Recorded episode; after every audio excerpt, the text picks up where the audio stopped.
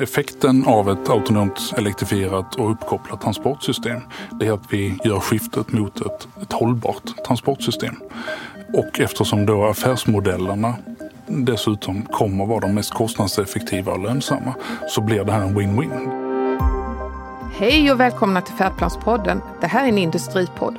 Här pratar vi med kunniga och insiktsfulla människor i svensk industri om frågor som hållbarhet och konkurrenskraft och teknik och material och kompetens. Vi gör detta för att industrin är en grundbult för svensk ekonomi, absolut. Men framför allt gör vi detta för det som händer i industrin är så otroligt spännande.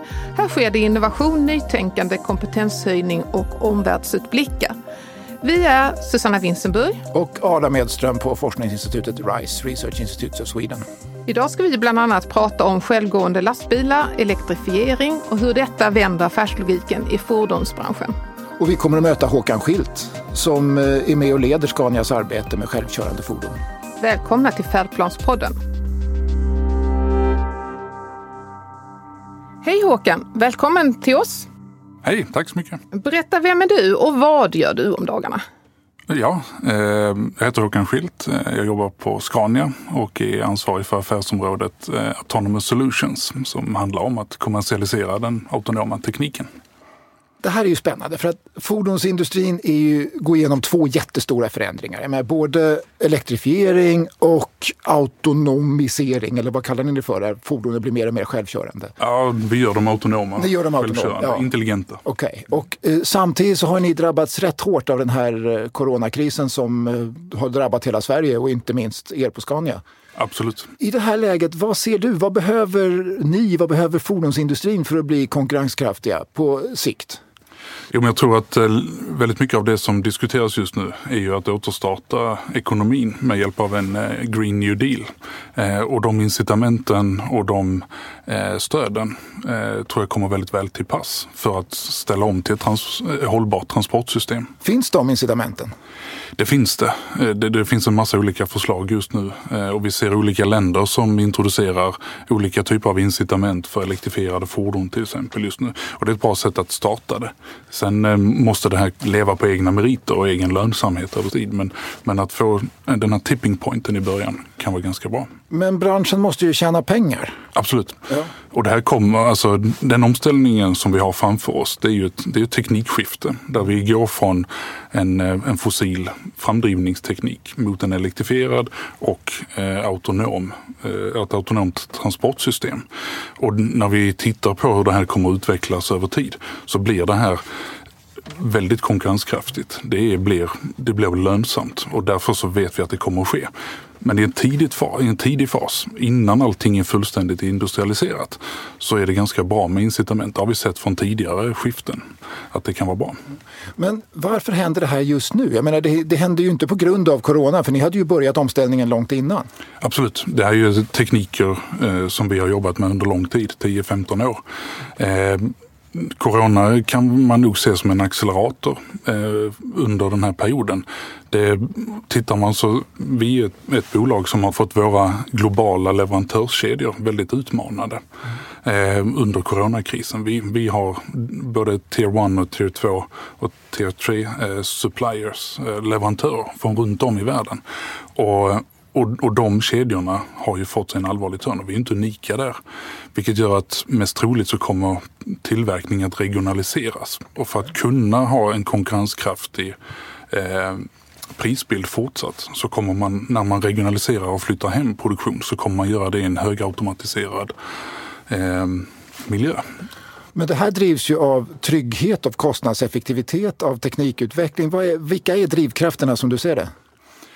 Det som har hänt de senaste åren är att tekniken har kommit så pass långt så att den går att industrialisera. Och när man industrialiserar den då får man ner styckekostnaden något så pass enormt. Så det är egentligen att tekniken har möjliggjort att nu går det att kommersiellt få till det här. Det där är ju spännande. Eh, om man tittar ur ett affärsmodellsperspektiv, vad händer med er affärsmodell här nu? Den eh, kommer troligtvis att förändras ganska mycket. Vi har ju en eh, traditionell eh, produktaffärsmodell där vi utvecklar en produkt, tillverkar den och säljer den till kund och sen stöttar vi det med reparation och underhåll. Det är, det är den affärsmodellen vi har haft i hundra år. Men med ett autonomt system och även ett elektrifierat system så får vi in en större del där vi behöver vara delaktiga i driften av fordonet. Och då, då kommer vår affärsmodell att eh, gå mot en tjänstifiering eh, snarare. Och det kommer för, troligtvis att förändra en stor del av transportbranschen eh, långsiktigt också. Där olika aktörer blir, blir större och starkare och andra aktörer blir mindre och svagare. Betyder det att ni kommer äga en större del av fordonsflottan framöver? Ja, eh, den kommer att eh, behöva hanteras i en balansräkning om man säger så. Eh, vi kommer behöva ha kontroller, vi kommer behöva vara delaktiga av den autonoma fordonsflottan på grund av framförallt ansvarsdelen. Att tekniken och vad som händer med fordonet under drift har väldigt mycket att göra med hur vi programmerade fordonet att bete sig. Så sker det en olycka så finns det inte en förare som det finns i dagsläget som får ta ansvar eh, för vad som händer utan det kommer vara vi som behöver göra det. Och på grund av det behöver vi ha kontroll över fordonet och troligtvis äga den. Det är ju väldigt spännande. Det blir ju en etisk fråga. Hur, eh, hur jobbar man med en sådan fråga på ett industriföretag? Ja, det är ju hela, hela industrin jobbar med det, alla som håller på med, med autonomi och där finns ju ett antal moraliska dilemma. Den viktigaste punkten eh, och som man hela tiden försöker backa tillbaka till är att inte driftsätta någonting som vi inte känner är säkert. Och oavsett vad som kommer att driftsättas så kommer det ju trots allt att vara över tid mycket bättre och mycket säkrare än, än en mänsklig förare. För en mänsklig förare får ju impulser och intryck utifrån. Ett autonomt fordon gör alltid likadant. Det enda som är viktigt och, och som har en viss eh, sak som man behöver tänka över, det är just är det en förare som gör ett misstag, då blir det en olycka. Har man 10 000 rullande fordon som gör samma misstag så kan det potentiellt bli 10 000 olyckor samtidigt. Så det är oerhört viktigt att inte trycka ut de autonoma systemen i miljöer där de inte är redo för det. Nej, och där pågår det ju nu eh, tidiga tester, eller hur? Oh ja, absolut. Inom eh, gruvor och... Inom gruvor, inom hamnar. Eh, sen finns det ju företag som kör de här robotaxis till exempel eh, i urbana miljöer. Eh, så det, det händer ju väldigt mycket och, och det går väldigt fort framåt. Men jag tror det är viktigt att ta det steg för steg.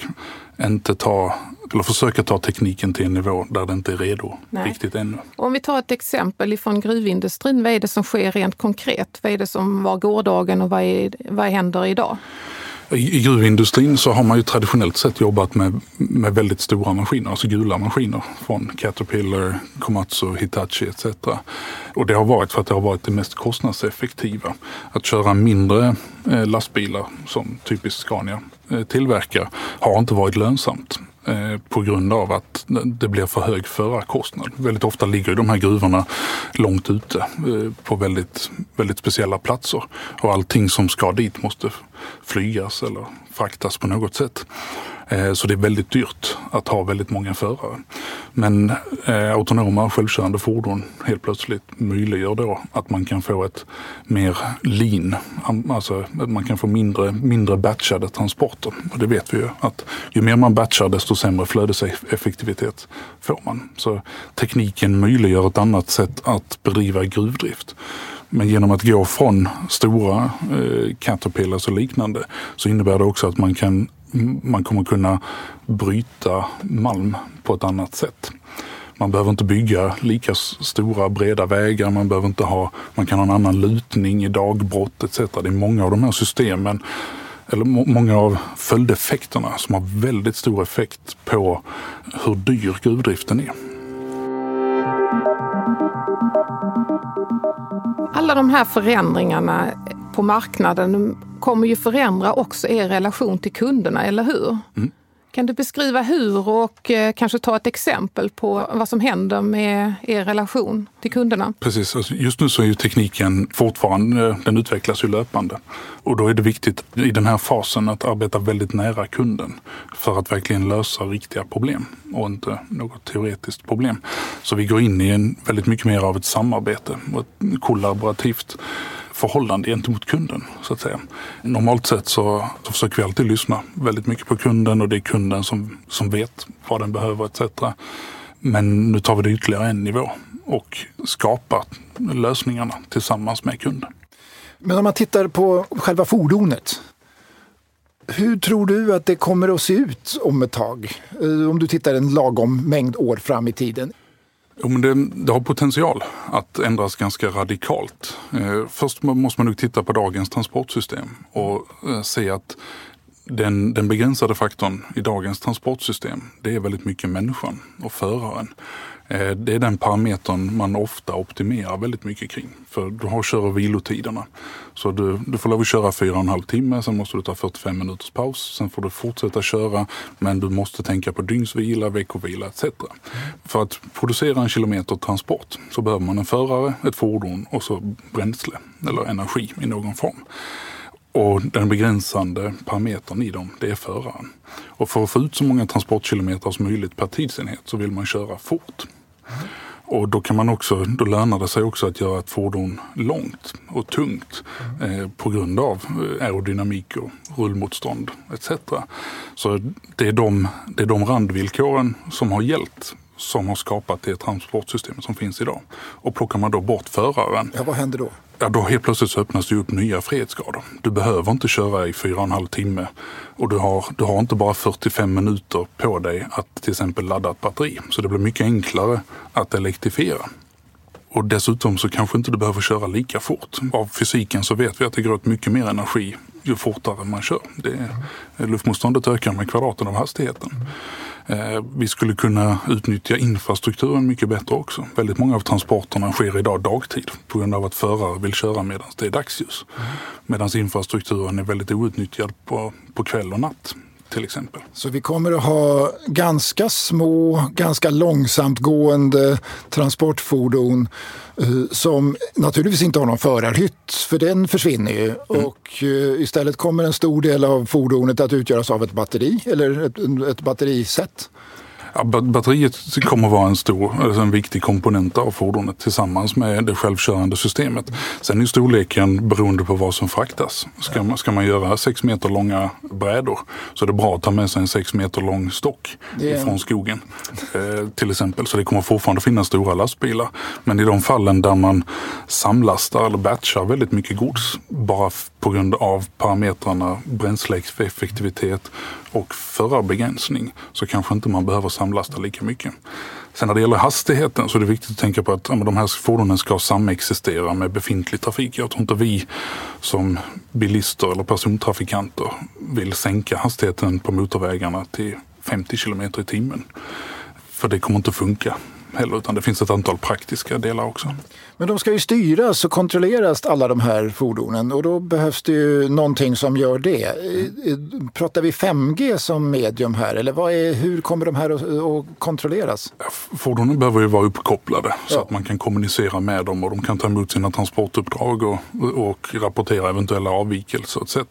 Och då är 5G en, en, en bra teknik för det. det finns, man kan använda 4G Eh, och 4,5G och man kan använda 802.11p. Det finns många olika kommunikationsstandarder som utvecklas. Eh, och det är viktigt att de, att, att de funkar och att de är tillförlitliga. Sen måste ju fordonen vara så pass eh, autonoma också så att de klarar sig utan en direkt uppkoppling hela tiden. Och hur långt är ni med i den utvecklingen när det gäller uppkopplingen? Var går liksom gränsen för när ni säger att ja, hit är det vårt ansvar på Scania men därefter så får någon annan ta över eller därefter är det någon annan som är bättre skickad?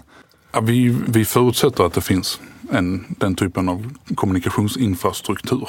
Eh, vi har ju väldigt många uppkopplade fordon redan i dagsläget. Vi, det är snart tio år sedan vi tog beslutet att eh, koppla upp alla våra fordon. Så vi har 400 000 fordon som är uppkopplade och kontinuerligt rapporterar data tillbaka till oss och till kunden. Men vi har ju aldrig eh, så att säga, byggt radiomaster själva. Utan Nej, men ni måste ju ändå vara med och påverka det system som styr en fordonsflotta. Absolut. Och eh, det är ju kompetens som man normalt inte förknippar med en fordonstillverkare. Nej, och det är kompetens som vi har fått bygga upp de senaste 15-20 åren. Okay. Eh, och vi sitter ju med i olika standardiseringskommittéer och annat. Och vi, vi har haft ett partnerskap eh, sedan fem år tillbaka med Ericsson också.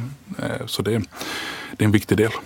Du nämnde tidigare incitament som behövs och att det är bestämmelser som inte riktigt är på plats än. Hur långt efter ligger lagstiftningen för att ni ska vara nöjda? Lagstiftningen ser eh, annorlunda ut runt om i världen. Vi, ser att USA är troligtvis de som ligger allra längst fram där det kommer att vara möjligt att köra förarlösa fordon eh, redan eh, nästa år som det ser ut just nu. Vi tror att EU kommer komma med en lagstiftning runt 2025 som det ser ut just nu.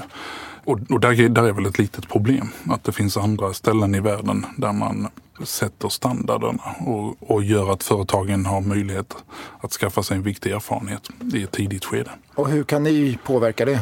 Ja, vi kan vara på andra ställen i världen också. Vi är ett globalt företag. Eh, så enkelt är det. Och eh, för det som är problemet om det, om det här drar igång eh, i ett tidigare skede i till exempel USA eller i Asien, Kina och sen ett par år senare så är Europa redo. Då har inte de europeiska företagen då haft möjlighet att skaffa sig den erfarenheten. Då, eh, då kommer vi ligga efter rent konkurrensmässigt. Så du skulle gärna vilja se en tydligare lagstiftning från, är det från EU eller är det från, på nationell nivå? Det är viktigt att det här sker på EU-nivå. Eh, för väldigt mycket av det europeiska transportsystemet är ett integrerat transportsystem. Man hinner inte köra länge i Holland innan man har passerat över till, till Tyskland eller Frankrike. Så det är viktigt att det är ett harmoniserat system och en harmoniserad lagstiftning.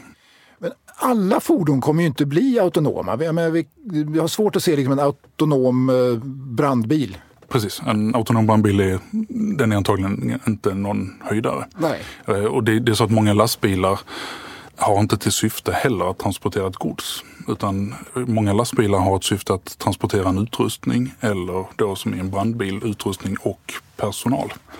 Mm. Så den kommer mest troligt inte vara självkörande. Brandbilen ute vid en skogsbrand fungerar ju som en vattenpump. Mm. Så att elektrifiera den och behöva ladda brandbilen ute vid en skogsbrand. Det kommer inte att vara effektivt heller. Det kommer troligen att vara en dålig idé. Det kommer vara en dålig idé. Så vi kommer att se traditionella lastbilar eh, finnas under en väldigt lång period och vissa kommer kanske aldrig att bli autonoma eller elektrifierade. Vad ser du för andra områden som där det här med autonom verksamhet eller elektrifierad verksamhet kanske inte är riktigt lika bra idéer? Ja, men en, en kranbil är ju ett typiskt exempel där lastbilens främsta uppgift är att transportera kranen. Mm. Och sen ska den stå att arbeta. Mm. Men däremot där, där, man verkligen transporterar gods fram och tillbaka löpande. Alltså, det körs ju oerhört mycket gods i väldigt repetitiva flöden runt om. Varje dag så ska det komma mjölk eh, in till Arlas mejerier. Eh, vi ska ha våra leverantörer till att leverera komponenter in till vår produktion i Södertälje och runt om i världen. Den typen är väldigt repetitiva flöden. De kommer i ett tidigt skede kunna vara autonoma och elektrifierade. Sett ur ett hållbarhetsperspektiv mm hur ser du att de nya affärsmodellerna kan bidra till en positiv utveckling? Jo, men jag tror eh, det vi har tittat, eh, när vi har tittat framåt så har vi sett att eh, det här teknikskiftet, autonomi, connectivity och elektrifiering, det kommer att vara det absolut mest konkurrenskraftiga lösningen för att utföra transporter framåt. Och då har vi tittat på affärsmodellerna och sett att vi behöver ha vi behöver vara mer inblandade. Vi behöver kunna tillhandahålla och, och vara delaktighet i transportutförandet från vår sida. Men eftersom den här är lönsam och eh, alltså effekten av ett autonomt elektrifierat och uppkopplat transportsystem det är att vi gör skiftet mot ett, ett hållbart transportsystem. Och eftersom då affärsmodellerna dessutom kommer vara de mest kostnadseffektiva och lönsamma så blir det här en win-win. Det här kommer att hända på grund av att man kommer inte kunna konkurrera med en traditionell lösning. Så det, det sker av marknadskrafter. När du säger kostnadseffektivare, mm. Vad kommer, hur mycket kostnadsbesparingar blir det? Blir det en halvering av transportkostnaderna eller vad pratar vi? Det är ju alltid svårt att titta in i framtiden. Men eh, vi har gjort ganska bra modelleringar och vad vi, vad vi tror att batterikostnader, energitätheten etc. utvecklas. Vilken, I vilken grad de självkörande sensorerna kommer att sjunka i pris efterhand som de industrialiseras.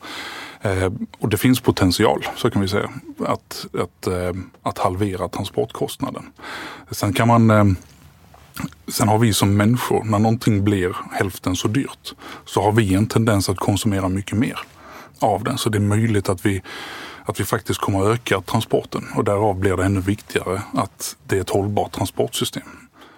Och när du säger öka transporten, betyder det att vi kommer att se mera rullande lager av eh, saker och ting? Att saker och ting kommer inte att ligga i varuhus eller i lager utan de kommer att ligga i, på väg i, i större utsträckning? Den, den potentialen finns ju för i dagsläget så används de här lagerna som mellanlastningsstationer för att man har de här stora lastbilarna som får lov att köra enligt kör och vilotiderna och väldigt många av de här lagarna är optimerade utifrån kör och vilotiderna. Och när man då gör fordonen förarlösa då, då, behöver man inte tvunget stanna. Man behöver inte göra fordonen lika stora och man behöver inte på samma sätt batcha ihop gods eh, i lager. Utan i en hel del fall så kan man potentiellt sett köra från A till B direkt utan att mellanlasta. Blir det fler som delar på transporterna då än vad vi har nu? Det är, just nu så samlastas ju väldigt många transportköpares gods på en lastbil. Det är väldigt många lastbilar är ju kombinerade transporter och det är det man använder de här lagarna till. Att eh, plocka ihop olika försändelser till en transport helt enkelt. Och det är nog viktigt att, att det fortsätter att vara så för det skapar trots allt en ganska stor effektivitet alltså transporteffektivitet, den mest hållbara transporten, det är ju den som inte behöver göras, så att säga. Den onödiga transporten. Och vi ser att det är en väldigt stor eh, potential i att effektivisera eh, transporterna. Det sker väldigt mycket spännande inom nya material. Mm. Vad ser du för någonting? Vad jobbar ni med för nya material? Vi tittar ju på, batteriet är en väldigt tung komponent.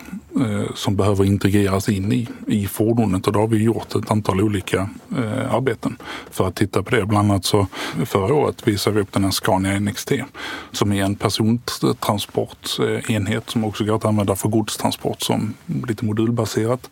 Men där batteriet är integrerat och det är en självbärande läktviktskonstruktion eh, för hela fordonet så att säga.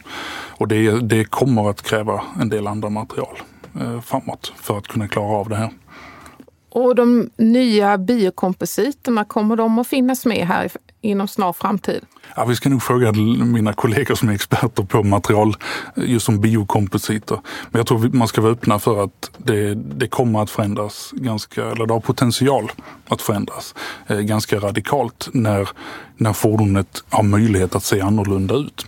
Och, och för att maximera de frihetsgraderna så kommer man behöva använda betydligt mer avancerade material. Och då är det viktigt att de materialen också efterföljs av en, en industrialiserad produktionsteknik så att de blir billiga att producera i hög volym.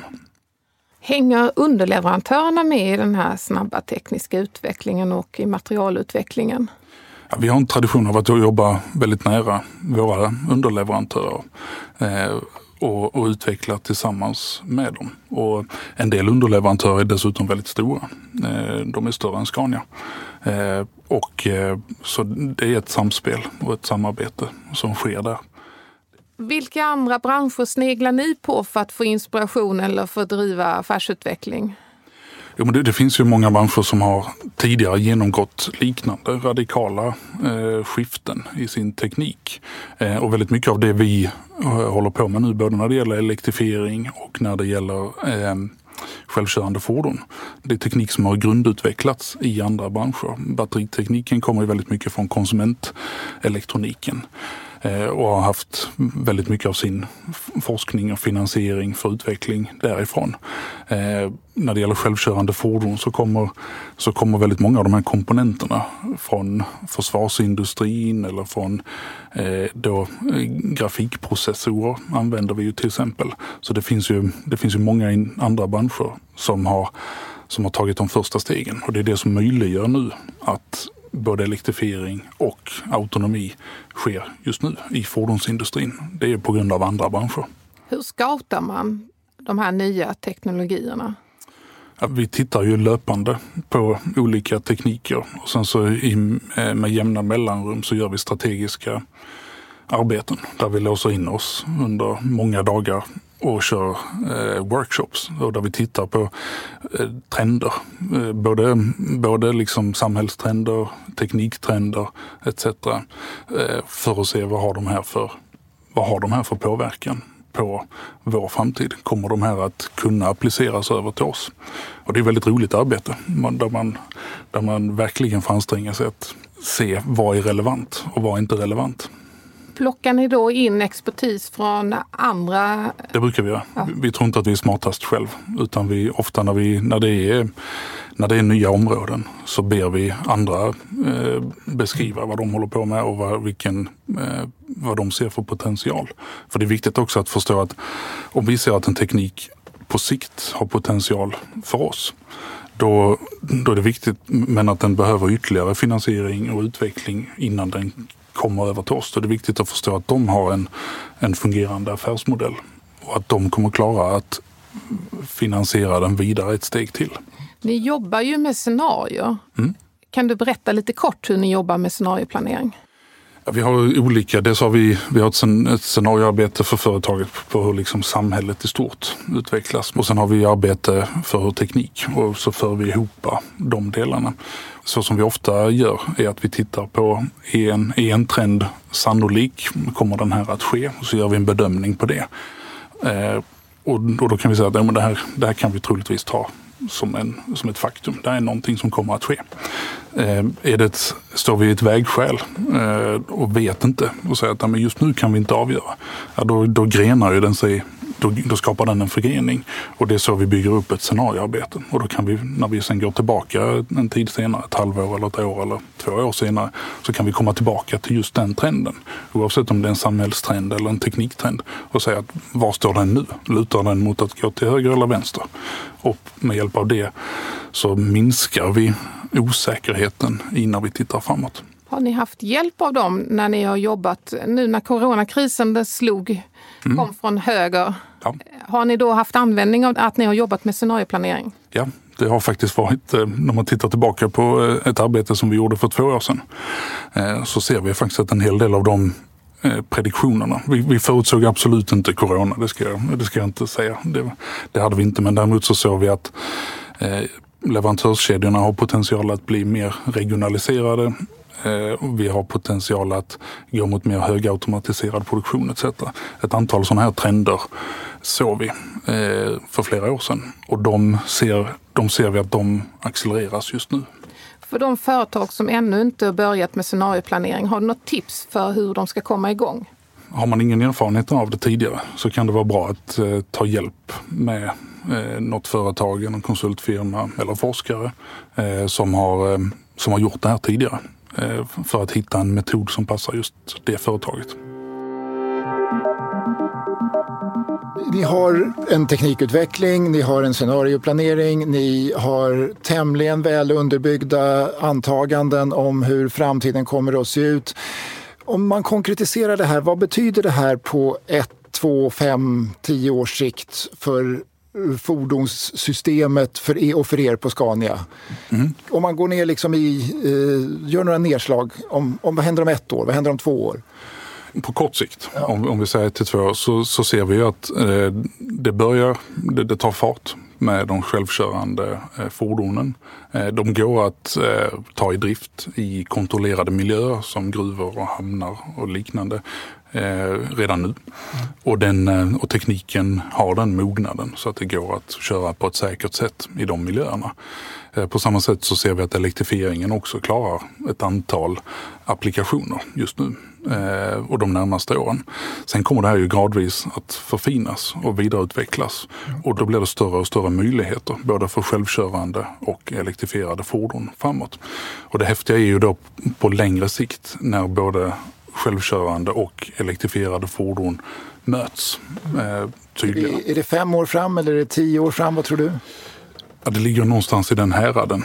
Skulle jag säga. Det är alltid, som jag sa tidigare, det är väldigt svårt att det är alltid farligt att säga att just då, då och då. Mm. För sen om vi lyssnar på den här podden om tio år så kommer vi kunna skratta säkert. Men det har, det har potentialen att eh, på fem till tio års sikt eh, ske ganska stora förändringar på det. Sen är det ju, där är ju en viss ledtid i att utveckla nya fordonskoncept, testa att de verkligen funkar enligt plan. Man ska också tänka att i början av ett teknikskifte så måste man ha ganska snabba iterationer. För den första tanken och den första lösningen kommer inte vara den som varar. Det är bara att titta på, vi har tillverkat lastbilar och bussar i ungefär 100 år. Mm. Och besöker man vårt museum i, i, eh, i Södertälje så ser man att de lastbilarna som producerades mellan 1910 och fram till 1960, där skedde en enorm teknikförändring. Vart femte år så var det helt nya fordon. Det var jättestora förändringar. Det är den branta delen av en S-kurva. Men tar man en lastbil från 60-70-talet och jämför den med dagen så är det inte lika stor förändring. Så de första 50 åren då provade man väldigt många olika lösningar. Men går vi in i den här branta delen av S-kurvan ungefär nu? Ja, det skulle jag säga. Så att eh, här kommer det att ske otroligt stora förändringar, kanske inte på 50 år men på 10 år. På 10-20 år så kommer, det, kommer vi att... S-kurvor har en tendens att bli kortare och snabbare precis, precis. Än, vad de, äh, än vad de har varit tidigare. Så om, jag tror om en 10-20 år så har vi en, en mycket bättre bild av hur det ser ut långsiktigt. Och när ni då på Scania förändrar er själva som aktör? Vad är det för nya kompetenser som ni måste ha in som ni inte har idag? Det handlar ju väldigt mycket om mjukvara. Vi har mycket mjukvara även i den traditionella delen, alltså motorstyrsystem etc. Men här blir det ännu större tyngd på mjukvara, maskininlärning, AI etc som är väldigt annorlunda. Så att eh, traditionellt har ni differentierat er mot konkurrenterna genom en eh, lite tjusigare förarmiljö och en lite annorlunda drivlina eh, för, ja. för fossila ja. motorer. Och nu ska ni differentiera er med elektriska motorer och bättre mjukvara. Ja, det är och, ungefär det. Det är helt rätt. Det är en ganska rejäl förändring. Det är en väldigt stor förändring. Det är det. Eh, som tur är så sker den ju gradvis och den sker över tid. Eh, så den, den är inte ett dramatiskt skifte som sker över natt. Utan, eh, men däremot så man kan inte sitta still i båten och tro att vi inte behöver kompetensskifta företaget. Den kommer påverka affärsmodellen, mm. vilket gör att eh, vi kommer vara del, delaktiga i själva driften av fordonet. Och då, blir det, då behöver vi vara kompetenta på det området också. Där trillar vi in på logistik, alltså ja. när, när välet, när vi, och, och flödesoptimering. För när man väl har driftsatt ett autonomt system så måste man över tid hela tiden jobba med ständiga förbättringar. Och det är en kompetens som vi har på Scania genom vår eh, Lean-historia och Toyota-historik. Men eh, den, den kombinerat med logistikkunskap, att hela tiden effektivisera transportsystemet, det är det som kommer skapa lönsamhet över tid. För när ett fordon väl kan köra själv, ja, då är det klart. Men då tar ju ni över en del av åkeriernas, den roll som åkerierna har idag. Ja, transportbranschen är ju väldigt eh, eh, vad ska man säga, segmenterad eller uppdelad i olika lager. Du har de stora 3PL, 4PL-bolagen. Eh, eh och vad betyder det för den icke invigde? Ja, det är typiskt eh, DHL och Schenker eh, som är på det lagret. Där då de ser till att godset kommer fram. Sen eh, väldigt ofta så kontrakterar de så kallade 2PL eh, som då är en, den traditionella kundbasen för, för Scania. Mm. Som ofta är ett mindre åkeri, ofta ett familjeföretag. Eh, till att köra mellan olika logistikcenter. Åka dit, hämta paket och köra till nästa. Mm. Eh, och sen så har du 1PL. Det är de som gör det eh, själva inhouse så att säga. Eh, sen finns det faktiskt en 5PL-nivå också. Då ska man tänka Alibaba och Amazon som sköter betalningar och hela den delen. Men nu ska vi inte djupdyka för mycket i det. Då får vi döpa om det här till Logistikpodden. Ehm, men det kommer att eh, förändras däremellan så att säga. Och där kommer ni att ta en annan del, en större del av den uh, kakan? Mest troligt så kommer vi jobba närmare 3PL och 4PL för att eh, utföra transporter åt dem. Eh, och eftersom det är så integrerat med tekniken så kommer det bli det. Men det kommer också bli ett väldigt nära samarbete på grund av att man behöver optimera logistiken utifrån energianvändning och laddning etc. Om du nu avslutningsvis fick önska dig någonting. Om du fick önska dig någonting av en extern part, det kan vara EU, det kan vara staten, det kan vara konkurrenter, det kan vara partner. Vad är högst upp på önskelistan? Då tror jag att eh, se till att vi har en progressiv lagstiftning som möjliggör en, en tidig deployment av den här tekniken. Jag tror också att det vore väldigt bra att titta in i framtiden på hur ser det framtida transportsystemet ut? För just nu så finns det mycket diskussioner mm. om att stötta med laddinfrastruktur etc. Mm. Men då gör man det utifrån ett förarcentriskt transportsystem. Mm. Och innan ett sådant laddsystem är fullständigt utbyggt så kommer det också att ske autonomi och då ökar den här frihetsgraden. Så vi ska inte fokusera på att det är väldigt bra att vi elektrifierar dagens transportsystem. Men när vi bygger infrastruktur och gör de stora satsningarna så måste vi se och förstå hur, vad händer om 10, 15, 20 år. Eh, så att man har med sig det perspektivet och inte hastar fram en lösning här och nu som sen inte varar mer än 4-5 år. Och där tror jag det är viktigt att att politiker och företag samarbetar. Finns det samarbetet idag eller behöver det skruvas upp? Det finns. Det finns. Vi har väldigt bra dialog med, både i Sverige och på EU-nivå. Men jag tror allting går alltid att göra mycket bättre. Tack så hemskt mycket för att du kom hit Håkan. Tack själv. Väldigt tack kul. Tack ska du ha. Mm, tack. Det där höjde ju ett och annat ögonbryn. Vad tar du med dig från det här snacket med Håkan? Jag tar med mig vikten av att jobba med scenarioplanering eh, och att skapa handlingsberedskap i organisationen så att man har tagit tankehöjden redan i förväg för olika scenarier och snabbt kan manövrera i händelse av kris. Så tar jag med mig de nya affärsmodellerna också. Eh, intressant att se hur vi går ifrån att sälja produkter över till att sälja en tjänst istället och hur det då påverkar underleverantörer och också kunder. Vad tar du med dig från den här intervjun? Jag tar med mig det här systemtänkandet, att en, eh, ett fordon, en lastbil är en komponent i ett större system. Och eh, Naturligtvis så förändras ju själva fordonet och det, blir, eh, det kommer att se helt annorlunda ut och det kanske kommer att bli mindre och kanske kommer att gå långsammare för att kunna bli effektivare och bli mer hållbart. Eh, men det är bara en komponent i hela transportsystemet. För att vi, pratar, vi har pratat här om allting från lagstiftning till laddinfrastruktur till eh, eh, hur hela transportbranschen kommer att förändras. Och det där är nog mycket, mycket större förändringar än vad vi kan se och överblicka när vi tittar på det här i vanliga fall. Så att just den här enorma systemförändringen som är på, på ingång, den tar jag med mig. Det här är ju en färdplanspodd och Färdplanspodden eh, grundar sig i ett arbete som heter Färdplan. Och vill du veta mer om färdplan så tycker jag du ska gå in på www.ri.se och söka på ordet färdplan. Där finns en rapport och en broschyr som beskriver massor av förändringar i, i samhället och industrin de närmaste 10-15 åren. Hur vi ska kunna åstadkomma den här hållbara konkurrenskraften på lite sikt. Välkommen till Färdplan.